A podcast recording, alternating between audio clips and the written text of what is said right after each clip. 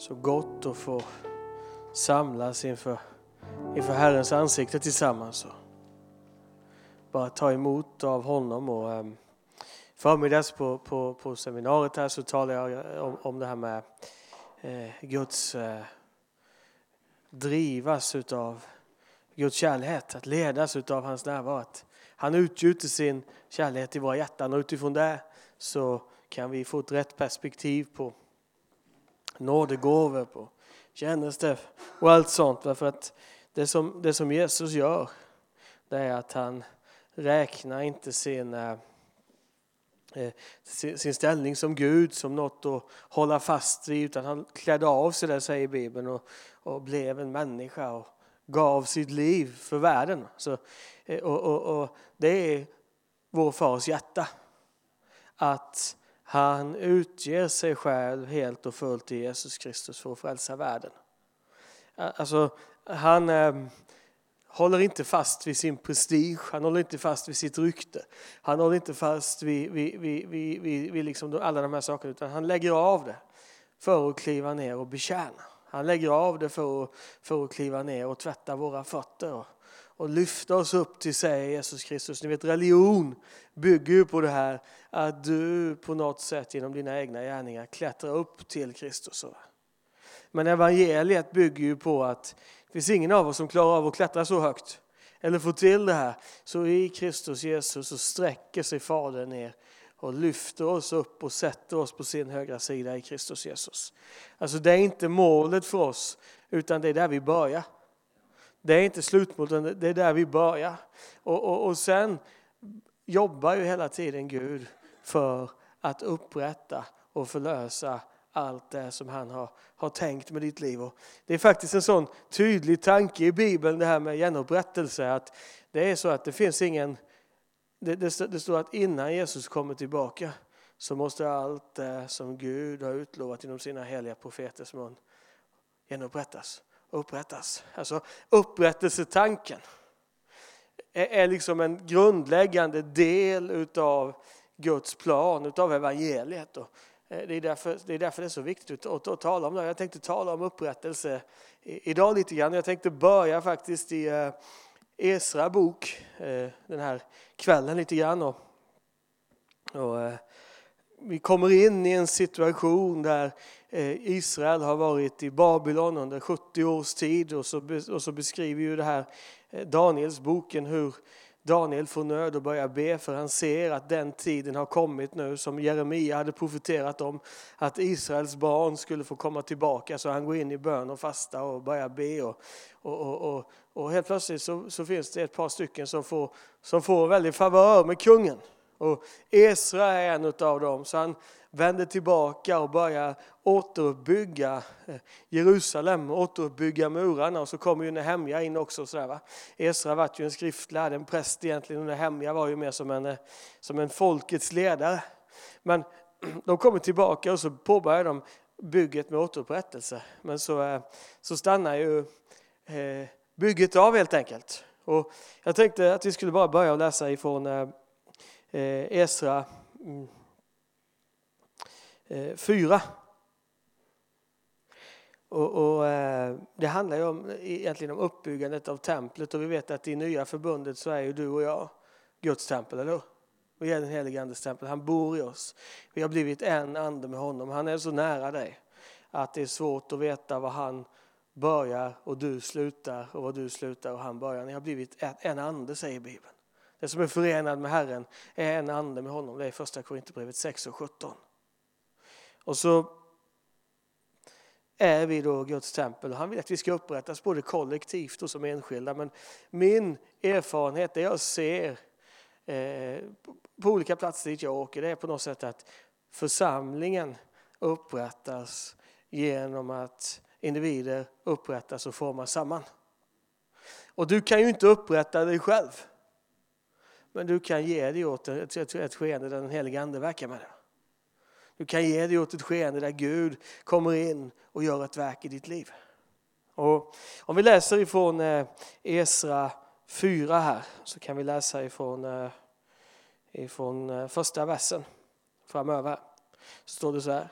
När motståndarna till Juda och Benjamin fick höra att det som hade kommit tillbaka från fångenskapen höll på att bygga ett tempel åt Herren Israels Gud gick de till Serubabel och huvudmännen för familjen och sa till dem Låt oss bygga tillsammans med er, för vi söker er Gud liksom ni och vi har offrat åt honom ända sedan den assyriske kungen Esarhaddon lät föra oss hit. Men Serubabel och Jeshua och de övriga huvudmännen för Israels familjer sa till dem, ni får inte tillsammans med oss bygga ett hus åt vår Gud. Vi ska själva bygga huset åt, åt, åt Herren, Israels Gud, så som den persiske kungen Koresh har befallt oss. Men folket i landet gjorde judarna modfällda så att de avskräcktes från att bygga vidare. De lejde män som motarbetade dem och gjorde deras planer om intet. Så länge Koresh, kungen i Persien, levde och sedan ända till dess att Dariaves, kungen i Persien, började regera. Jag vet inte om du har varit med om det själv i ditt liv, att Gud börjar någonting i ditt liv, börjar ett verk av upprättelse, börjar ett verk där han vill förlösa dig ut i tjänster på olika sätt. Och så, och så helt plötsligt så upptäcker du att det kommer ett motstånd emot detta. ja. Därför att det finns krafter som inte vill att Guds vilja i ditt liv ska upprättas. Och det är det som händer här. Och konsekvensen ser vi i slutet för att de skriver till, eh, till eh, kung Koresh och kung Koresh och, och liksom eh, ståthållaren, de, de, de ger en befallning om att bygget ska stoppas. Och sista versen i kapitel 4 i Esra 4 säger så här. Så upphörde nu arbetet på Guds hus i Jerusalem. Det blev förhindrat ända till den persiske kungen Dariaves andra regeringsår. Och det är ju dit som vi ofta kan komma i det kristna livet. Jag vet inte om, du kan känna igen det här, vet du, att Gud verkar. Det händer fantastiska saker. Och, och, och sen helt plötsligt händer någonting i ditt liv. Att du, du slår i som i en platå, du kommer inte längre. Du sitter fast. Gud har verkat men sen så händer något oväntat. Det kan komma en attack, det kan vara någonting jobbigt i familjen, jobbigt i arbetet, jobbigt i menigheten. Och helt plötsligt är det som att arbetet bara stannar av. Och så kommer det in en trötthet och en uppgivenhet. Jag vet inte om ni upplever sånt i Norge. Vi kan uppleva det ibland. Både som, både, både som enskilda och som, och som menighet. Och, och, och vi, har, vi har haft en situation här i, i, vår, i vår menighet i Sverige. Jag bor ju uppe i, i, i norra Sverige. Om du skulle åka upp till Bodö och så åker du kust till kust så kommer du till Skellefteå. Där, eh, där bor jag kan man säga och, och, och är med i en pinsemenighet där. Och vi har haft eh, ett fantastiskt skeende där Gud har gjort väldigt mycket. Samtidigt så har vi haft liksom, eh, olika processer, olika fighter som pågår samtidigt. Och det är som det är överallt, eller hur? Ja. Det, är liksom, det hör ihop det här. Men vad jag, vad jag har sagt många gånger till våra ledare och det jag har sagt många gånger i förkunnarteamet det är att vi måste vara vaksamma så att inte kampen och de här utdragna fighterna gör oss trötta och uppgivna så att vi tappar skeendet. Alltså när det är fight, när det är kamp, när det är tufft då behöver man på något sätt bara eh, eh, eh koppla med Guds hjärta. Ja när det, när det, när det är liksom slitsamt och tröttsamt så, så, och, och, man går igenom processer, för det, det, är ju en del också av upprättelsen, att, att saker förändras, att Gud verkar, att saker händer. Både, både i ditt liv och i menigheten. Då behöver man på något sätt bara gå tillbaka till, vad har Gud lovat? Vad har Gud talat? Vad vill Gud? Och Gud vill inte lämna bygget halvfärdigt. Gud vill inte att mitt liv ska bara uppbyggas lite grann och så raseras det. Och jag upplever att det är, finns någonting i det här som är som en ande nästan. Eh, alltså att det kommer krafter in som gör att man bara bygger, gör, gör saker halvfärdigt. Och det är ju därför som jag tror att det finns en alfa och omega smörjelse för, för, för menigheten. Alltså Kristus är alfa och omega. Han är början och slutet. Han är den som påbörjar, men han är också den som avslutar. Och jag brukar kalla det omegasmörjelsen. Alltså, alltså det finns en kraft till att bryta igenom och fullborda det som man har påbörjat. Och det vill Gud ge till sin församling. Det vill Gud ge in i ditt liv. Att du ska inte behöva se tillbaka på ditt liv och säga Gud begynte. Det var underbart. Men, men, men, men, men det blev aldrig som jag hade tänkt. Det blev aldrig som jag hade hoppats. Det blev aldrig, det blev halvdant, det blev halvfärdigt. Gud vill ha ett fullbordat verk. Och vad som händer då, det är att Gud reser upp profetröster. Det är det som händer här. Vi ska gå in i, i, i Esra 5. Och Gud är ju inte en Gud som riktigt safear, för han tar inte de mest etablerade i folket, utan han reser upp Haggai och Sakarja. Och de var 16, 17, i 16 till 18 års ålder någonting troligtvis när Haggai och Sakarja skrevs. Man får ju ofta bilden av profeter att det är liksom folk som har, har suttit i en grotta i 50 år och så kommer de ut med långt skägg och liksom eh, böjd rygg och krokigt finger och så tittar de på en och bara exponerar. Men det här var två guttar alltså. Som, som, som, som, som hade förmodligen om de hade varit medlemmar i menigheten här, hade de varit med i ungdomsarbetet. De hade kommit hit igår kväll och tyckte att vid nio så var mötet färdigt så hade de gått ut och gjort aktiviteter i ungdomsgården och fikat och sådär.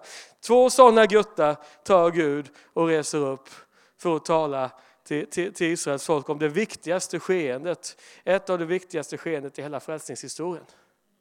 Jag tycker det, jag tycker det är häftigt.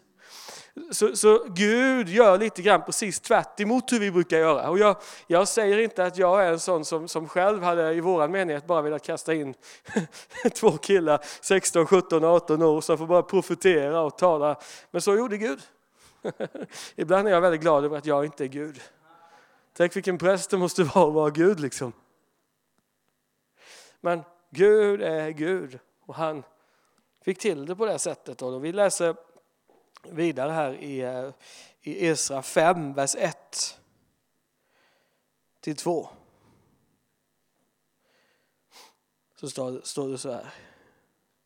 Ja, vi kan läsa till vers 5 förresten. Och så står det så här. Och profeten Haggai och Sakarja, Iddos son, profeterade för judarna i, i Juda och Jerusalem i Israels Guds namn som de var uppkallade efter. Serubabel, Sealtiels son och Jesua, Josadaks son, började då bygga på Guds hus i Jerusalem. Guds profeter var med dem och hjälpte dem. Vid samma tid kom Tattenai som var ståthållare i landet på andra sidan floden och eh, Seta Busenai och deras medbröder till dem och sa så till dem. Vem har befallt er att bygga detta hus och sätta denna mur i stånd? Då berättar vi för dem vad de hette som uppförde byggnaden. Guds öga vakade över judarnas äldste så att man inte kunde lägga några hinder i vägen för dem innan saken hade kommit inför Darius. så de hade fått brev tillbaka från honom om detta. Alltså, det står att profeten Haggai och Sakarja profeterade för judarna i Juda och Jerusalem. Och det som hände det var att Zerubabel och Jeshua började återuppbygga Guds hus i Jerusalem och Guds profeter var med dem och hjälpte dem. Och det här är egentligen bara en inledning till den text som jag vill läsa, men jag vill visa på att det här är insatt i ett skeende. Vi vet vad, vad som profeterades här, för det står i Haggai och Sakarja. Det som sägs till, till Zerubabel och till Jeshua, det står i Haggai, eller i Sakarja 3 och 4. Där står det att, att, att Jesu var, var full av fördömelse. Han, och så kommer han inför Herren och så står Satan för att anklaga honom. Och så lyfter Herren av honom kläder av fördömelse och ger honom en ny klädnad. Han talar till, till Zerubabel att förakta inte den ringa begynnelsens dag. Icke genom någon människas kraft eller styrka ska det ske, utan genom min ande ska det ske. Det, det, är det, som, det är det som profeteras. Ta av dig fördömelsen, ta av dig tröttheten. Sluta tro att det här ska ske i egen kraft, för du kommer inte klara av att bygga egen kraft. Men jag ska bygga igenom dig, genom Herrens ande. Och kraft ska det ske, inte genom någon människa söker utan genom Guds ande. Säg nåd, nåd till berget. Det ska flytta sig. Därför att Gud i sin nåd bygger. Jag vet inte om ni känner igen det när Gud vill bygga ert liv, att ni blir lite trött ibland. Och så känner ni att min styrka räcker inte till. Det är ganska vanligt att uppgivenhet, trötthet kommer. Vet du när man blir trött och uppgiven som regel? Det är när man kommer in under skuld och fördömelse. Det kommer en skuld och fördömelse och säger, vem tror du att du är? Som Gud ska använda till att bygga. Tror du Gud kan använda dig? Och så börjar man titta på sin egen begränsning. Och så märker man att det här klarar inte jag av. Eller så blir det lite så att man tappar fokus på att gå i smörjelsen. Alltså leva utifrån den utrustning som Gud av nåd har gett och så börjar man leva av egen kraft. Och klart att om jag tänker utifrån ett mänskligt perspektiv, om jag tänker i min egen styrka, så skulle jag aldrig kunna göra det som jag gör idag. Men det sker inte genom någon människas styrka eller kraft utan genom Herrens ande. Alltså den han kallar utrustar han. Och, och någonstans hade kampen och motstånden och trycket gjort att Jesua och Zerubabel hade tappat bort det. Någonstans hade det här gjort att de hade tappat fokus. Gett upp, kommit in under prestation, kommit in under fördömelse och skuld och skam. Och Gud vill inte att vi ska leva i detta, utan Gud vill att vi ska leva utifrån hans nåd. Bara leva i medveten om att vi är villkorslöst älskade, godkända, välsignade, fullkomnade. Och som jag sa igår, det är inte vårt fel. För det var Jesus som gjorde det, inte du. Han har fullkomnat, helgat och renat dig och lagt sitt godkännande över dig av nåd. Men det är inte bara Sakarja som profeterar utan Haggai profeterar också. Och Det är just det här som Haggai profeterar som jag bara skulle vilja lägga ett fokus på ikväll. Kanske ta det som står i Sakarja bok lite mer imorgon här. Men jag kände att det här var lite viktigt då. För Haggai har ett speciellt liksom, tilltal om templet. Det nya templet som skulle byggas. Och Det var ju så här att man, vi vet ju att templet blir klart så småningom och då var det så att det står att folkets liksom, ropet var liksom mixat från folket. För vissa jublade över att de såg att templet blev färdigbyggt. Men de som var gamla nog till att ha sett det gamla templet, de grät därför att det nya templet såg inte lika häftigt ut som det gamla. De tyckte det var jobbigt för det var inte alls lika coolt, liksom. det var inte lika spektakulärt. Och Hagai adresserar den här situationen. Det är också därför som, som eh, Eh, Sakarja säger förakta inte det ringa begynnelsens dag. För att det är inte bara en andlig princip utan där och då var en situation där det här såg så ringa ut. Vad kan det bli av det här? Men då har Haggai ett tilltal i den här situationen. Jag hoppas att det är okej okay att vi tar lite bibel här bara på, på, på kvällen för jag tycker det är rätt viktigt att få med det här. För det har nämligen en väldigt stor liksom, betydelse för, vad, vad, för nya förbundet. Det här är en förebild på upprättelsetanken i ditt liv. Eh, Haggai 2, jag läser från vers 1 till 10 så talar Haggai i den här situationen. Och så säger han så här. I sjunde månaden på 21 dagen i månaden kom Herrens ord genom profeten Haggai. Han sa, säg till Zerubabel, Sealtiels son, ståthållare i Juda och till översteprästen Joshua, Josadaks son, och till kvarlevarna av folket. Vilka är kvar bland er som har sett detta hus i dess forna härlighet? Hur tycker ni nu att det, ser, att det ser ut nu? Är det inte som det vore ingenting i era ögon? Han adresserar alltså de här som tyckte att det här var inte lika häftigt som det förra templet. Och så säger han, men var nu frimodig, du Zerubabel, säger Herren. Var frimodig, du överstepräst Joshua, Josadaks son. Var frimodiga, alla ni människor i landet, säger Herren. Arbeta, ty jag är med er, säger Herren Sebot. Detta löfte gav jag er när ni drog ut ur Egypten, och min ande är mitt ibland er. Frukta inte. Wow, jag tycker det är häftigt. Var frimodig. Frukta inte. Var frimodig i det som Gud har kallat dig. Frukta inte för hans ande är mitt ibland oss.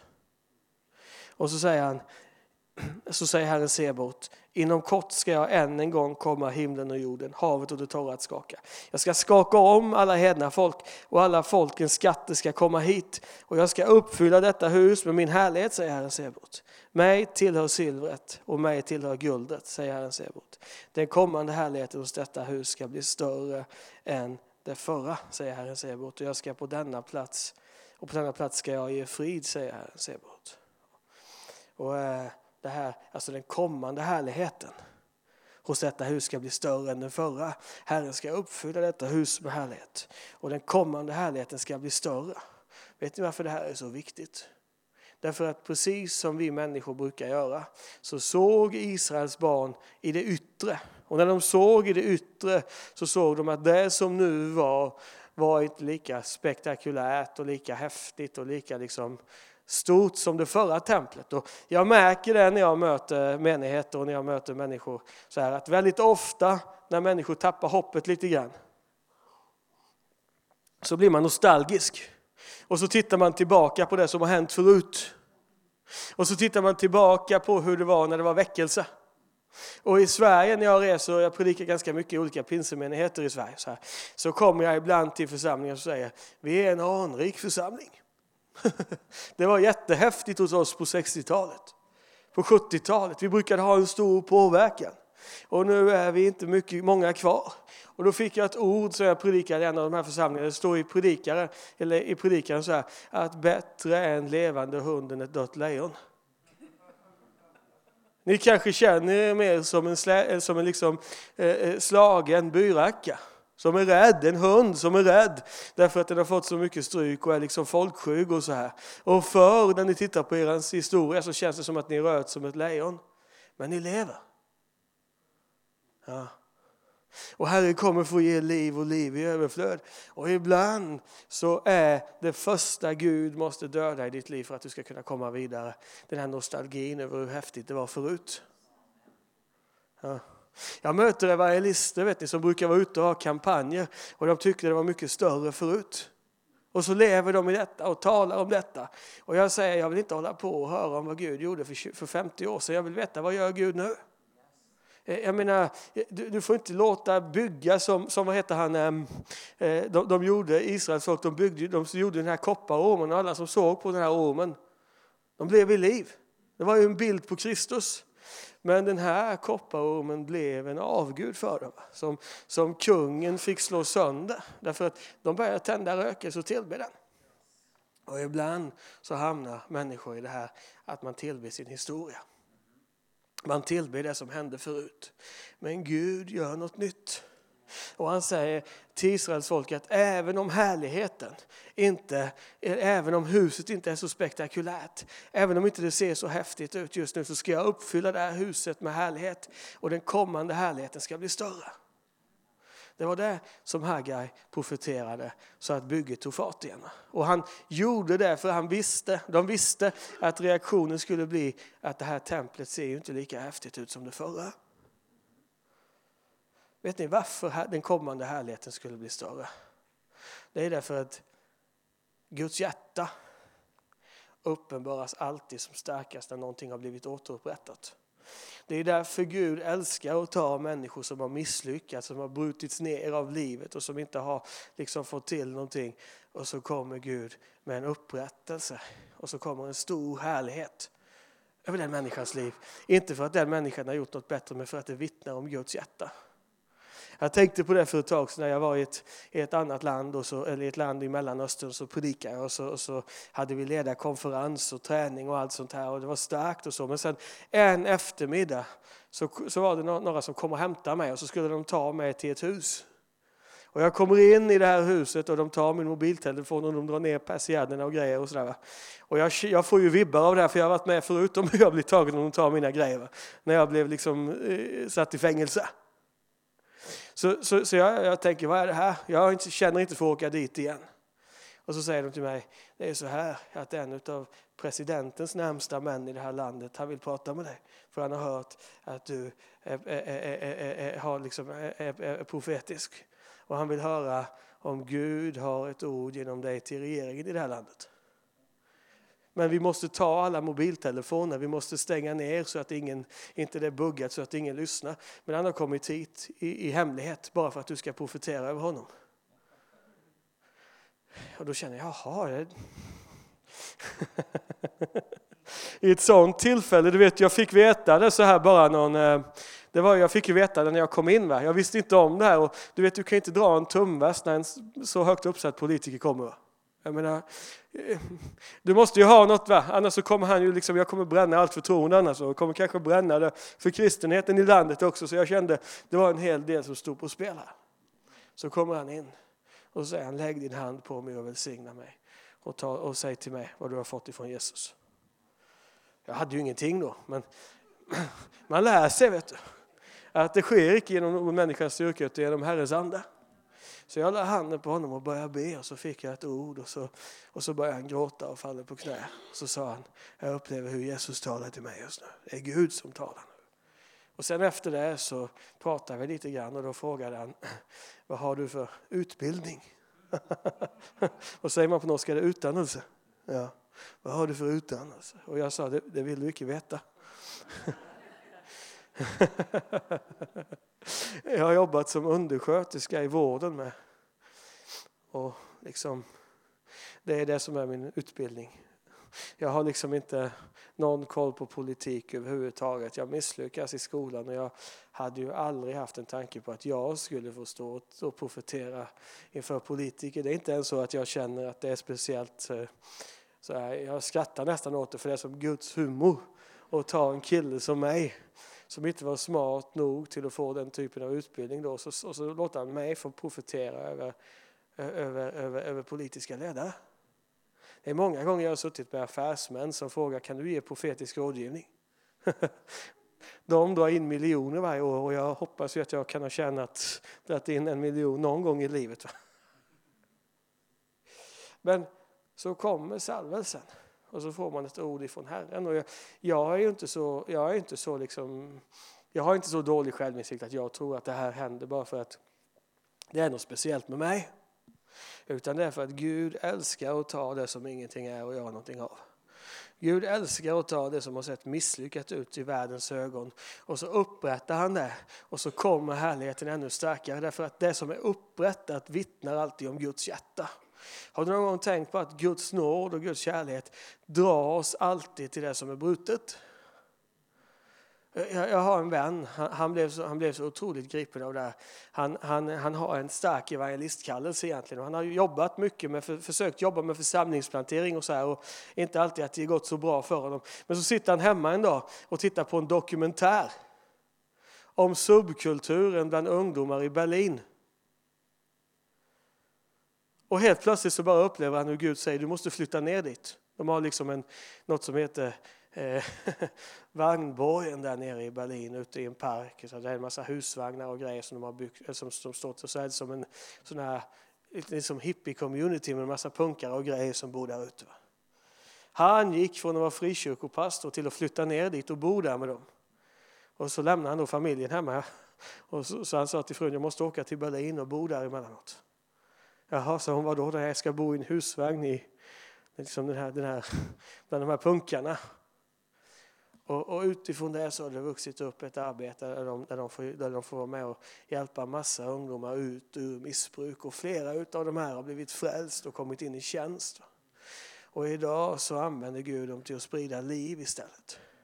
Jag har en annan väninna i Ryssland som jobbar med ett rehabcenter som vi stöttar ganska mycket i vårt arbete. Jag brukar vara där ibland och predika uppe i, i norra Ryssland. Hon brukar vara en sån här drug dealer som säljer droger. Va? Skaffar fram liksom olika typer av, av preparat och grejer till folk som behöver. Hon var ganska rik på detta. Tjänade på detta, så levde ju väldigt mycket bedrägeri. Va? Men så får hon möta Jesus. Och så blir hon frälst och så blir hon upprättad. Och nu är hon den som tar hand om alla de här istället och ger dem evangeliet istället för att ge dem droger. Alltså Gud älskar det här. Och det finns någonting i det här som blir så starkt. Därför att Guds närvaro, Guds kärlek dras till brustna platser i ditt liv. Han älskar att ta det som har slagit sönder och upprätta. Och det är ju det som händer här. Han, två guttar då, Haggai och Sakarja, unga killar, får profetera och bara ge nytt hopp drömmen tillbaka till Israels ledare. Vi läste ju om dem i Esra. Och, och Haggai faktiskt i, de, i den text vi läser adresserar ju både Jeshua, fast här nämns han som Josua då, då och så, och så, och så Zerubabel i att tappa inte modet. Jag är med er, min ande är mitt ibland er och, och, och mitt är silvret, mitt är guldet. Jag ska uppfylla det här huset med min härlighet. Jag ska skaka alla edna folket och jag ska ge er en favör och ni ska se att det finns att, att, att den härlighet som kommer över det här huset kommer bli starkare. Och du vet det Gud gör i ditt liv nu kommer leda fram till en ännu starkare härlighet och en ännu starkare gudsnärvaro än vad du har sett förut i ditt liv. Det Gud vill komma med in i ditt liv har att göra med att när han upprättar i ditt liv så kommer det som var brutet, liksom det som var trasigt, det som kan ha varit en källa i ditt liv till massa sorg och massa smärta, bli en källa till välsignelse. Det var därför jag sa till er igår att jag hade ju jättemycket sociala fobier. Det värsta jag visste det var att stå och tala inför människor. Jag var livrädd för att stå inför folk så här och prata. Det var liksom, eh, eh, jag, jag, fick, jag hade drömmar som Gud började tala till mig. Och jag upplevde hur Gud sa i de här drömmarna att du kommer resa ut över olika länder och predika och förlösa helande och upprättelse. Och jag började skratta när jag fick de här profetiska orden.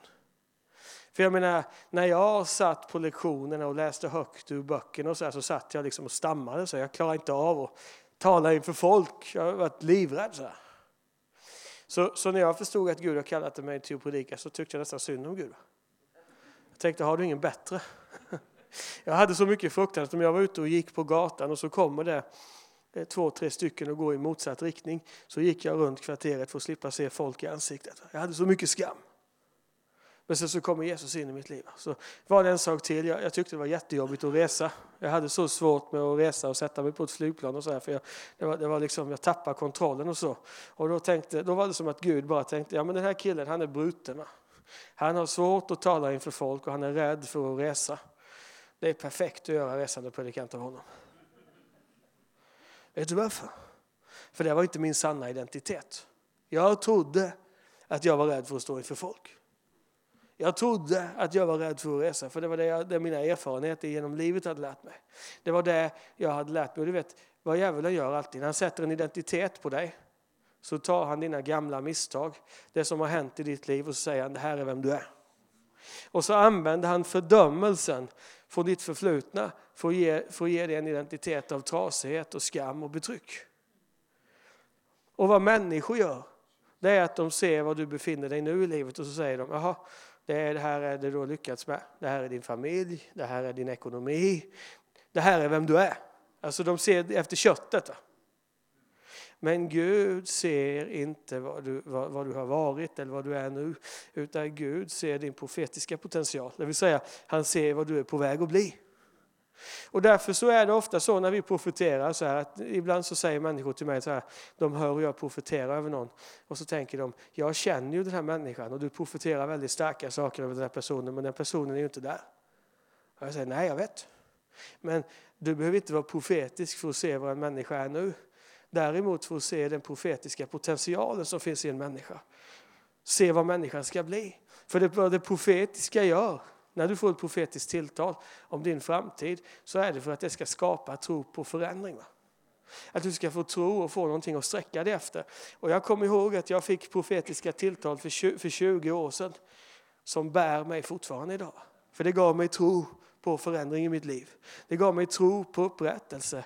Och det, det är någonting i det här vet du som är så starkt att Gud tar det som är trasigt och brutet, det som har gått sönder och så upprättar han och så gör något starkt utav det. Det är liksom en, en, en sån tydlig del av Guds plan. Och i, i, i, faktiskt i, i gamla förbundet så var ju templet den mest centrala platsen i hela, i, i, i, hela, liksom, hela judendomen. Du kan alltså inte utöva judendom utan templet egentligen. Och därför så är ju den här upprättelsen någonting som är helt centralt för Israels identitet. Och på samma sätt så är det nya templet, församlingen, du, upprättelsen av detta helt centralt för din identitet och vem du är. Och Gud vill uppfylla ditt liv med sin härlighet.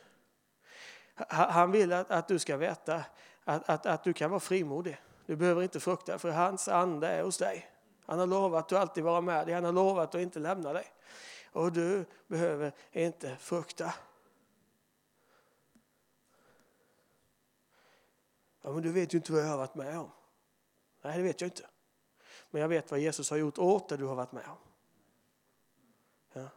Jag vet att det finns helande för det du har varit med om. Jag vet att det finns frihet för det du har varit med om. Jag vet att det finns upprättelse för det du har varit med om. Och jag vet att när Gud ser på dig så ser han inte vad som har varit utan han ser vad som är på väg att bli.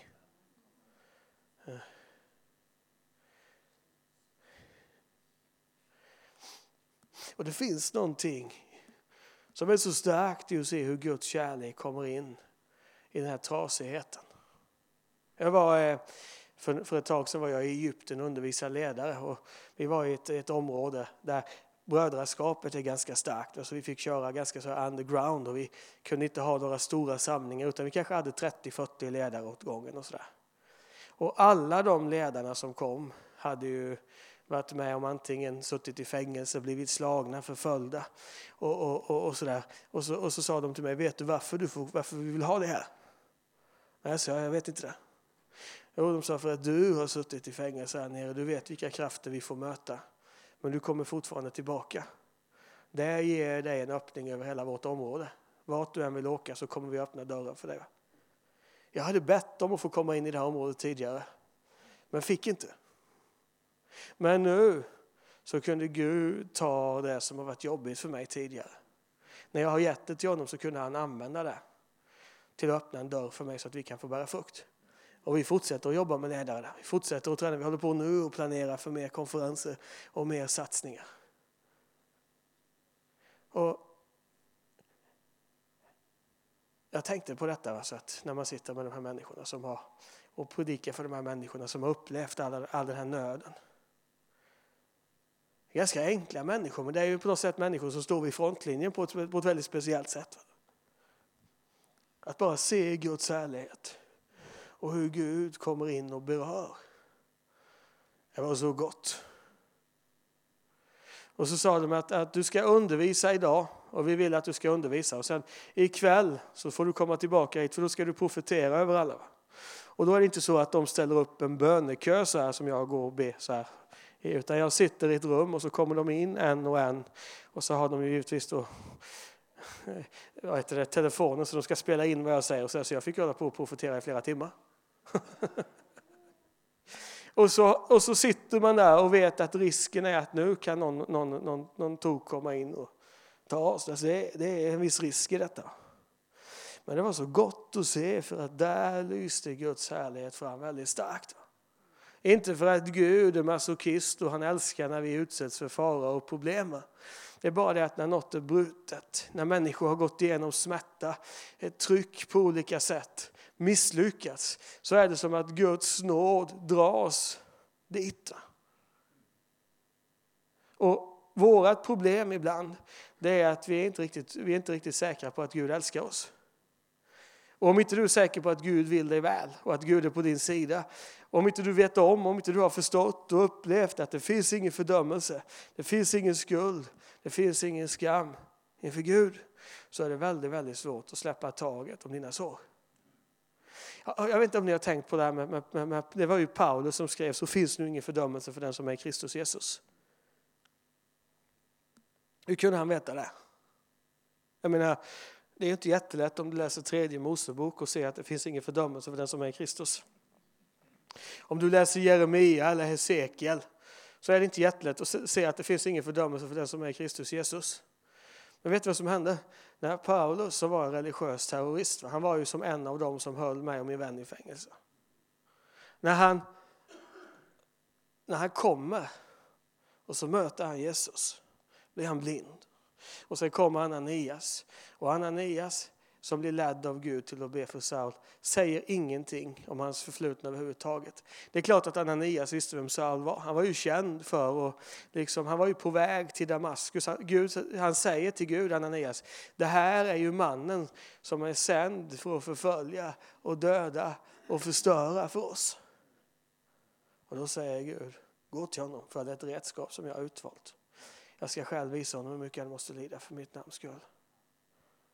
Alltså, där såg Ananias något annat än Paulus historia. Han såg Paulus framtid. Och därför så fick han en kärlek och en nåd till att kunna betjäna också. Det är det som det profetiska gör, vet du.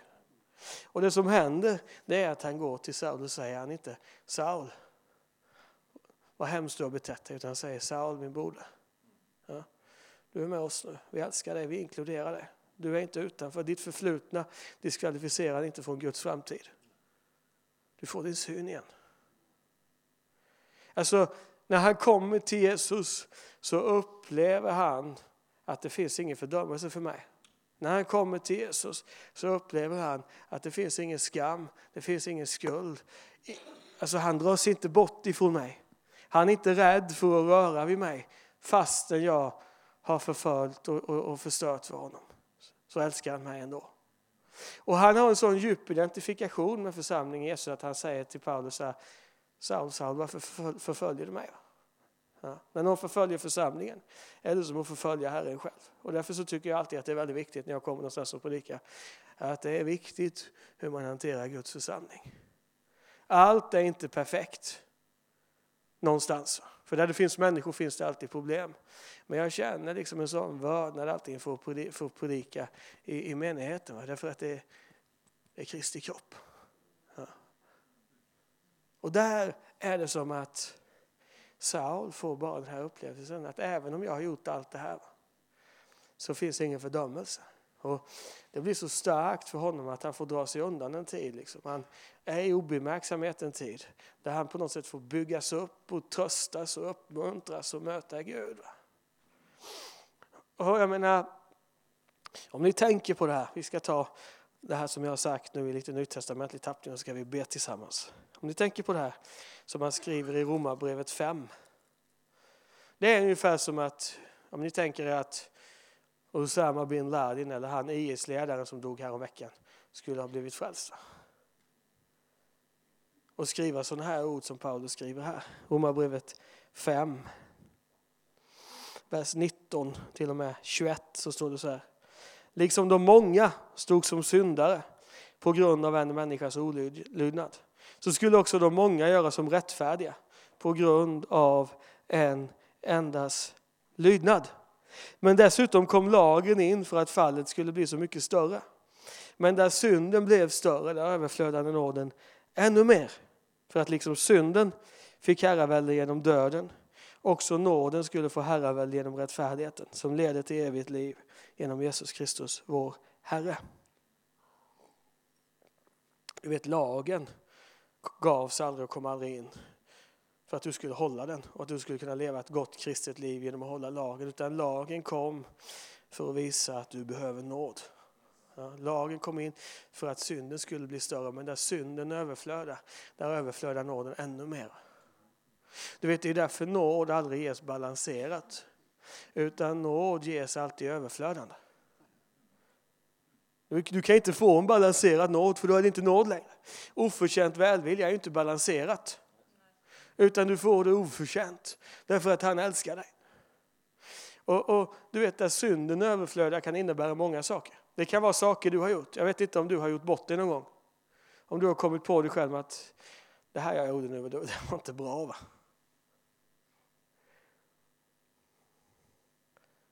Ja. Du kan ha gjort val i livet som förstör för dig. Och det kan vara synd som överflödar. Ibland så drabbas människor av andras val. Jag menar, jag kunde inte hjälpa att min pappa var missbrukare. Och, men ändå så gjorde hans destruktiva val, bröt ner väldigt mycket för mig och min mamma när jag växte upp. Sen har Gud helat. Va? Men det är också där synden överflödar. Det kan handla om sjukdom, det kan handla om betryck, det kan handla om olika saker som kommer in i ditt liv på grund av den trasighet som finns i världen. Eh, säger du att, att jag är sjuk för att jag har syndat? Nej, absolut inte. Men jag säger att vi lever i en trasig värld på grund av syndafallet. Och på grund av syndafallet så har sjukdom, trasighet och betryck kommit in i världen. Och du vet, du ska inte hålla på och fråga om människor, har du tro för att bli helad eller så? Det frågade inte Jesus utan han, han bad för människor och förlöste helande. Ja.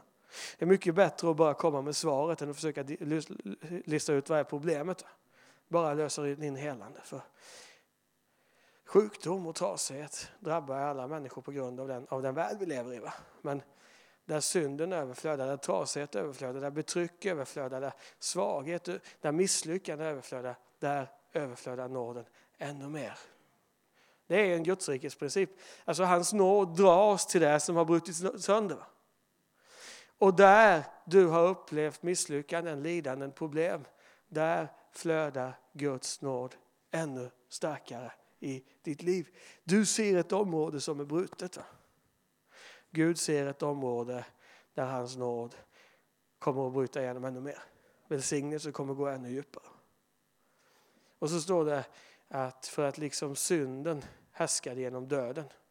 Du vet, när du var andligt död så härskade döden i ditt liv, men du är inte död längre utan du har uppstått från de döda, eller ja, Du har blivit gjord till Guds rättfärdighet i Kristus Jesus och därför härskar nåden i ditt liv just nu. Det är liksom den härskarmakt, den kraft som regerar i ditt liv, är Guds nåd. Guds välvilja, Guds godhet som verkar upprättelse i ditt liv. Verkar helbredelse, verkar liksom att hans kärlek ska förlösa en härlighet som är större. Det betyder alltså att din framtid, det du är på väg in i just nu, kommer att innebära att du ser ännu mer av Herrens härlighet. Och det finns en tid för att sörja över det man har förlorat. Och Gud älskar ju för att komma och torka människors tårar. Och en dag när du kommer hem så kommer det första du upplever hur Jesus själv kommer att torka alla dina tårar utifrån det du har varit med om. Men han vill inte bara vänta med att torka dina tårar tills du kommer hem till himlen. Utan han vill torka dina tårar nu. Trösta om du har förlorat, om du har gått igenom saker. Så finns det en tid där man behöver få sörja, behöver få uppleva tröst. Behöver få uppleva Herrens liksom närvaro på det sättet. Men i det så finns också ett hopp och ett löfte om en framtid med en härlighet som är större. Det är, det är en viktig del i det här med upprättelsen. Vet du, att Gud vill att din framtid ska bli ännu mer uppfylld av hans härlighet än vad ditt förflutna var.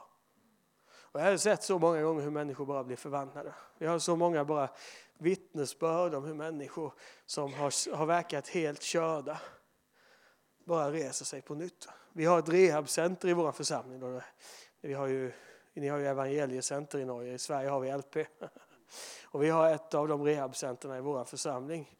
Och varje vecka så kommer ju de här eh, missbrukarna då, på möte. Det är en del av de, liksom deras program så att de kommer och är med på mötet. Och nu, för någon söndag sen här, förra, jag tror det var två söndagar sedan jag predikade hemma. Så är det en kille, han har, han har suttit i fängelse i 20 år och han har så längtat efter att få uppleva den, den helige Ande. Men han har alltid gått och känt, jag är inte värdig. Och han har sökt och han har försökt få tag på det och han har kämpat för det. Och jag sa till honom, kan vi inte bara sluta kämpa nu? Och bara inse att Jesus har gjort allt färdigt för dig. Du kan bara få ta emot. Och så ber vi.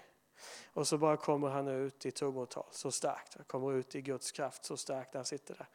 Och så säger han till mig, det var som att Gud bara kom och kramade om mig. Och så han tänker att jag också får vara med trots allt vad jag har gjort.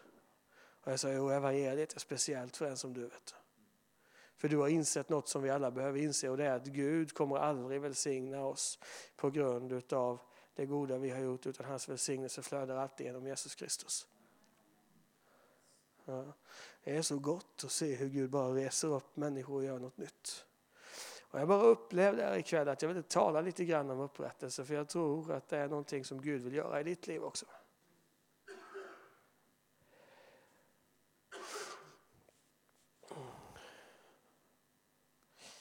Att Gud, frälsning handlar inte bara om att du ska få din synd förlåten, även om det är en jätteviktig del i det, utan frälsning handlar också om ett upprättat liv.